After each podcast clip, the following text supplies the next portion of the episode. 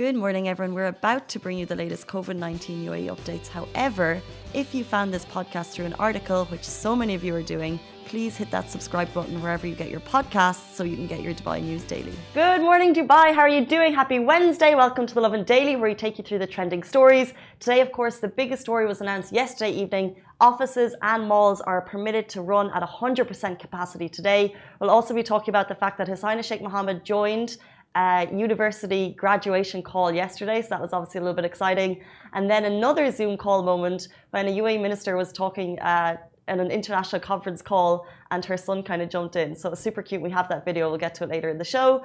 But we'll move into our first story, which is that the private sector, like I said, and shopping malls are back to 100% capacity from, to, from today. Uh, so, like I said, they're all permitted to run. Are you guys back in the office? Will you be heading to the mall? This was announced yesterday by Dubai's Supreme Committee of Crisis and Disaster Management under the directive of Highness Sheikh Mohammed bin Rashid Maktoum, Vice President and Prime Minister of the UAE and ruler of Dubai.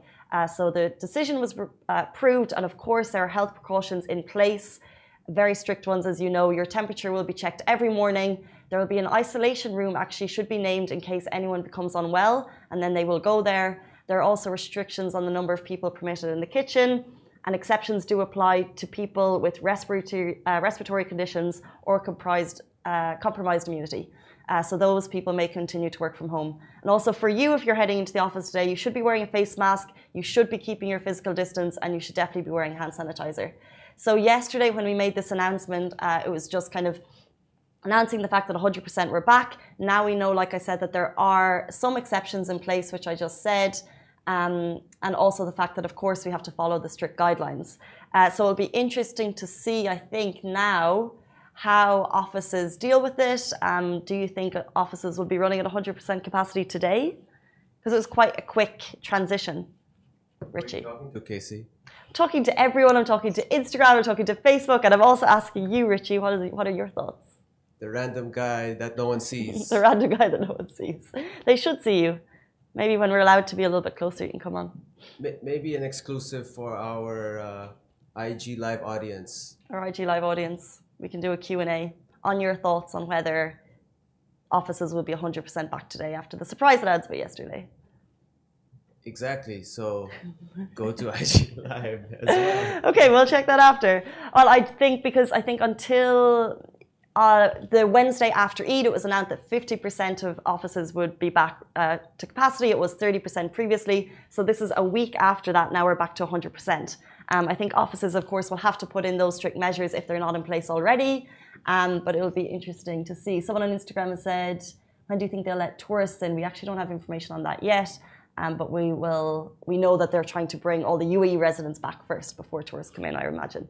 But we'll move on to our next story, which is the fact that His Highness Sheikh Mohammed attended a virtual graduation of 2,000 students yesterday. I think this is kind of beautiful because we know it's been a very difficult year for anyone who's graduating. The year was, of course, most like uh, tainted by COVID 19, but life does keep moving. And for the 2,294 students who graduated yesterday, their virtual ceremony had a royal edition. So His Highness Sheikh Mohammed bin Rashid Al Maktoum, Vice President and Prime Minister of the UAE and ruler of Dubai, he actually delivered a graduation speech uh, to all the graduates on the Zoom call. And if you're on Facebook, you can see them all beside me. And he congratulated them on their success. He said that usually he actually likes to be there with the graduates to honor them and personally salute them. However, of course, the circumstances as they are, uh, it's a little bit different this year, but he still wants to assure graduates of their potential as they are, of course, shaping our future. Um, so I think we've seen this is, like we said, a difficult year for graduates. Um, in the US, I think they had, I think Oprah joined the graduation or they're sending messages. So it was incredible this morning to see that Hassan Sheikh Mohammed sent a virtual message. Not even did he send a virtual message, he actually got on the Zoom call with all the graduates, over 2,000 of them, just to make it a little bit special because I think this is the year, like I said, they're most looking forward to. Finally finishing school, all of those exams out of the way. And uh, as he said, they are shaping the future. So it's, of, course, of course uh, important to make it a special moment. Do you remember your graduation? I'll Just, will I just call you guy behind the camera or Richie?